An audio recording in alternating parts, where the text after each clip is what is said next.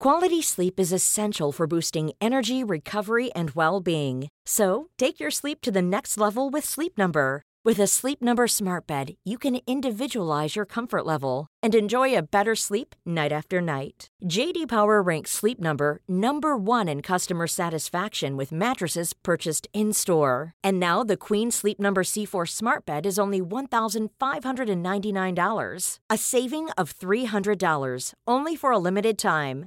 For JD Power 2023 award information, visit jdpower.com/awards. Only at Sleep Number stores or sleepnumber.com.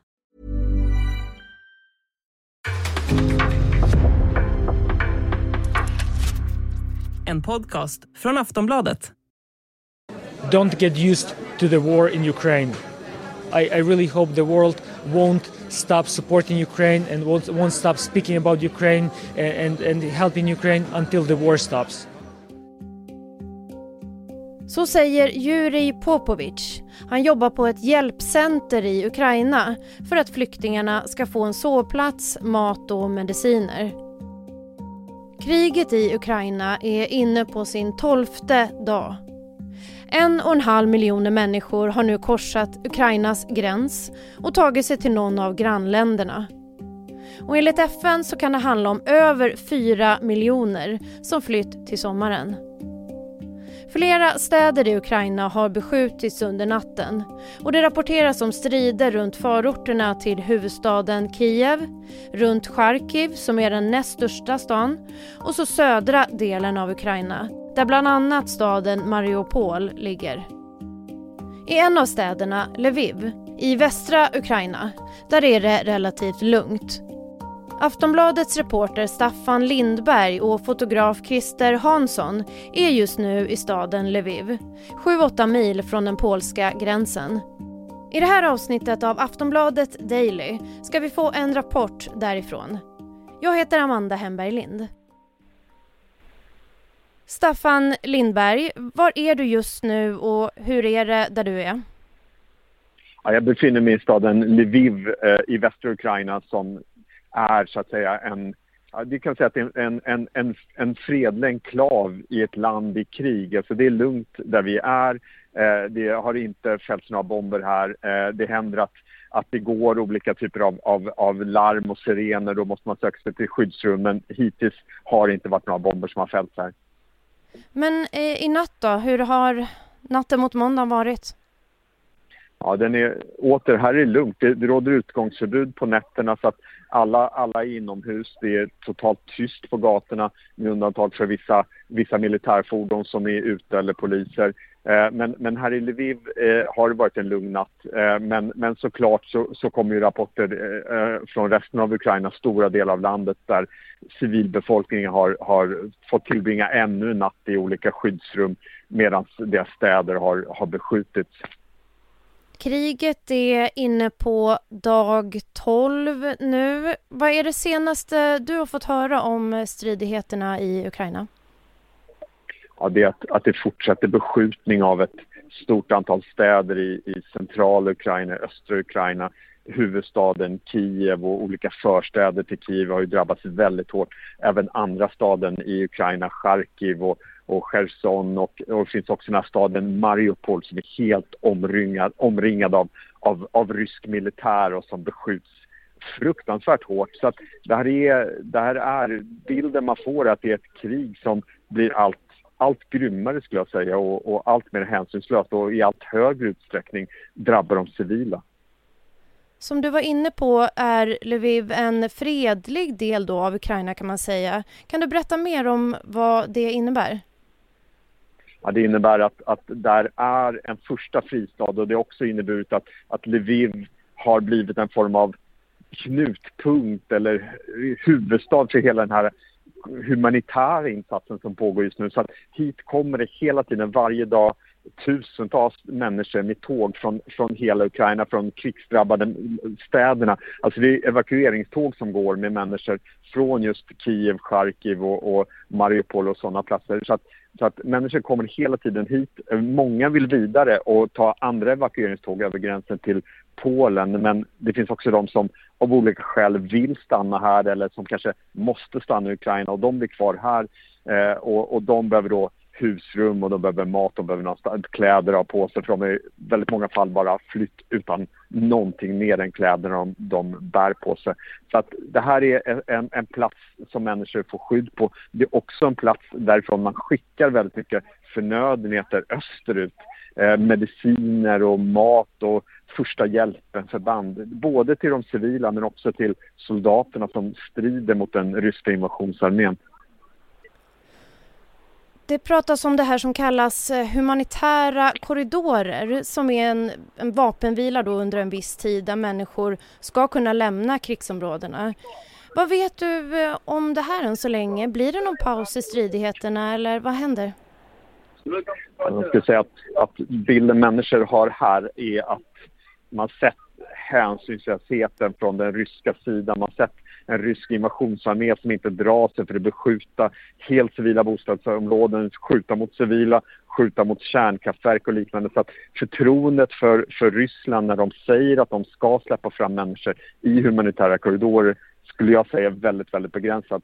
Eh, människor litar inte på Ryssland. Så man talar om de här humanitära korridorerna men jag skulle säga att, att det är väldigt oklart om det kommer att bli av, om de kommer att vara säkra, om det någonsin kommer att hända.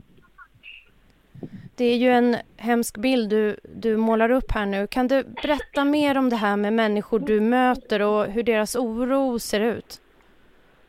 Alltså det, den här stan, Lviv, är en väldigt vacker stad, historisk stad med gamla byggnader och fram till då för bara någon, några veckor sedan så, så var det här en turiststad och, och nu har det förvandlats till en, en flyktingstad. En stad där människor kommer hela tiden med de här evakueringstågen.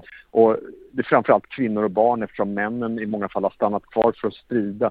Och, och det är som att det är så många människor som kommer och ändå är det att var och en bär på en helt egen historia, hemska historier om hur de har suttit i de här skyddsrummen medan de här markerna skakat eller hur, hur, hur, hur de har uthärdat medan, med, med sina barn i, i, flera dygn och sen har det blivit ett litet uppehåll i striderna och då har de försökt rusa med sina barn eh, till, till en lokal tågstation och pressats ombord på de här tågen och så kommer de då hit till det här relativa då lugnet här i Lviv men utan att känna någon, utan att ha någonstans att, att, att vända sig till. Eh, så att det är väldigt, väldigt utsatta människor, väldigt chockade människor som, som, eh, som, som kommer hit till Lviv. Men hur har de kunnat tagits emot då?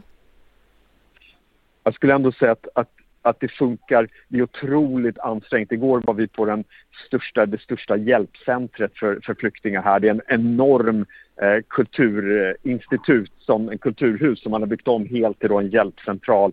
Och, och, dit kommer alla människor. De kommer dit, flyktingar, de behöver, det finns de som behöver bara vinterkläder till sina barn för det är väldigt kallt här. Det finns andra som behöver astmamedicin eller insulin eller annat eller bara mat. Så att alla kommer dit hela tiden.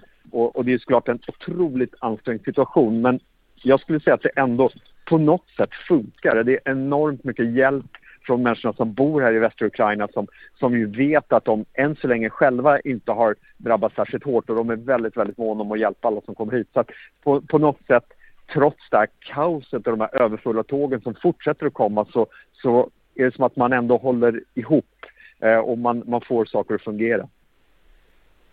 Men hur ser det ut med eh, förnödenheter och, och, så? Finns det tillräckligt med mat och bränsle och el och sådär? Jag skulle säga att, att det just nu gör det. Eh, och jag pratade bland annat med en, en, en av de högsta ansvariga i det här stora hjälpcentret. Han sa att det har funnits fram till nu gott om mat. Sen har han börjat se lite därför att de första dagarna under kriget fick man väldigt mycket donationer från människor i Lviv, från företag i Lviv, från restauranger i Lviv. Och nu har de donationerna börjat minska därför att även människor här har det mer knappt. Så att han sa att vi får se och vi följer det här dag för dag. Just nu så klarar man situationen men det kan komma ett läge där, där behoven kommer att bli större. Och det kommer in olika matvaror och sånt där. Det är inga problem att få in saker över gränsen in till Lviv och Ukraina då? Eh, det har kommit in och det kommer in. Eh, jag skulle säga, vi var ju själv vid den polska gränsen bara för några dagar sedan och det är ganska krångligt där också. Det är väldigt många privatpersoner som har fyllt pickup-trucks och sånt där och, och, vill åka över gränsen med varor. Så att det är väldigt långa köer men, men det kommer in hjälp, det kommer in förnödenheter. Så att, eh, så att för, för närvarande så, så, klarar man sig. Men det är klart att om, om det fortsätter komma ännu mer flyktingar eh, så, så kan det nog bli ansträngt. Men det är något man följer dag för dag. Säkerhetsläget då? Hur är det att rapportera därifrån du är?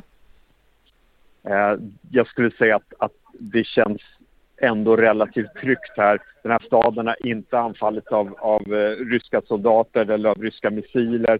Eh, så att säkerhetsläget skulle jag säga är, är gott. Eh, men det är klart att det är väldigt mycket militär, väldigt mycket polis ute, väldigt mycket vägspärrar och med jämna mellanrum så, så går de här flyglarmen och då måste vi hela tiden söka oss till skyddsrum. Men som sagt hittills har, har det så att säga inte varit några verkliga anfall som har skett. Men har det varit ett sånt eh, tillfälle när du har eh, fått ta det till, eller du och eh, Christer Hansson, fotografen, fått ta sig till ett skyddsrum?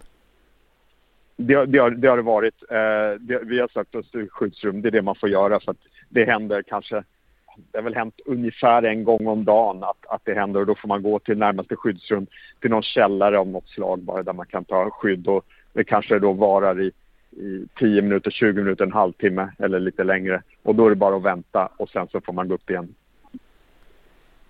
Är det någonting som har drabbat dig särskilt nu personligen sen du kom till Lviv?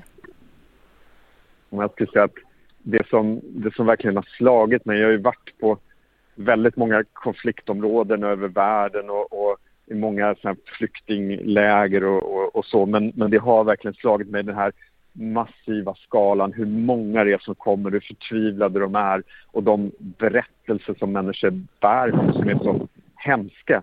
Eh, och, och, jag skulle säga att det som särskilt, som, som, som är verkligen, verkligen starkt är, i att möta barnen och, och, barnens berättelser. Barn som, som är som, som, som barn hemma i Sverige. De kommer med sina, sina skolryggsäckar. De har packat med det viktigaste med sina gosedjur eller med en iPad som de försöker att fördriva tiden med och berättar hur de har uthärdat i de här eh, skyddsrummen och, och, och, det är lätt att se hur stressade de är och hårt det har tagit dem och, och samtidigt så möts så ser man då deras föräldrar, ofta bara mammor, papporna är kvarlämnade som soldater och, och de har ju ingen, det är svårt för dem att ge barnen den hjälp fullt ut som de behöver. De försöker bara överleva nu, de försöker bara klara sig men men långsiktigt så, så är det tydligt att de här barnen kommer verkligen behöva väldigt, väldigt mycket hjälp för att det de har varit med om är så traumatiskt och, och, och så otäckt.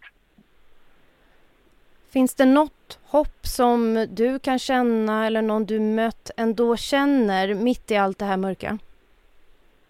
Det hopp som, som människor förmedlar hela tiden, ja men det är, det är den ukrainska militärens eh, sätt att bemöta den här ryska övermakten eh, framgångarna, de relativa framgångarna som, som, som den ukrainska militären, både den reguljära armén men också alla de här frivilligförbanden eh, faktiskt har i att, att hålla tillbaka ryssarna.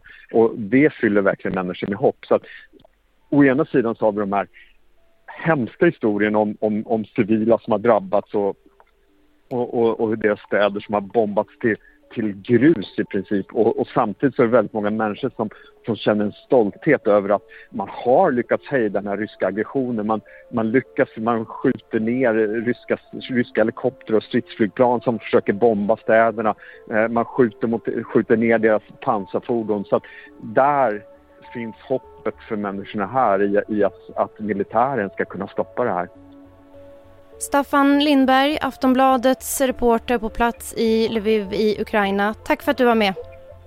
Tack. Det senaste om kriget i Ukraina och Staffans rapportering det får du på aftonbladet.se. Jag heter Amanda Hemberg Lind och nu har du lyssnat på Aftonbladet Daily, Sveriges största nyhetspodd. Prenumerera gärna på oss så missar du inga nya avsnitt. Tack och på återhörande. Du har lyssnat på en podcast från Aftonbladet. Ansvarig utgivare är Lena K Samuelsson. Want flexibility? Take yoga. Want flexibility with your health insurance? Check out United Healthcare Insurance Plans. Underwritten by Golden Rule Insurance Company, they offer flexible, budget friendly medical, dental, and vision coverage that may be right for you. More at uh1.com.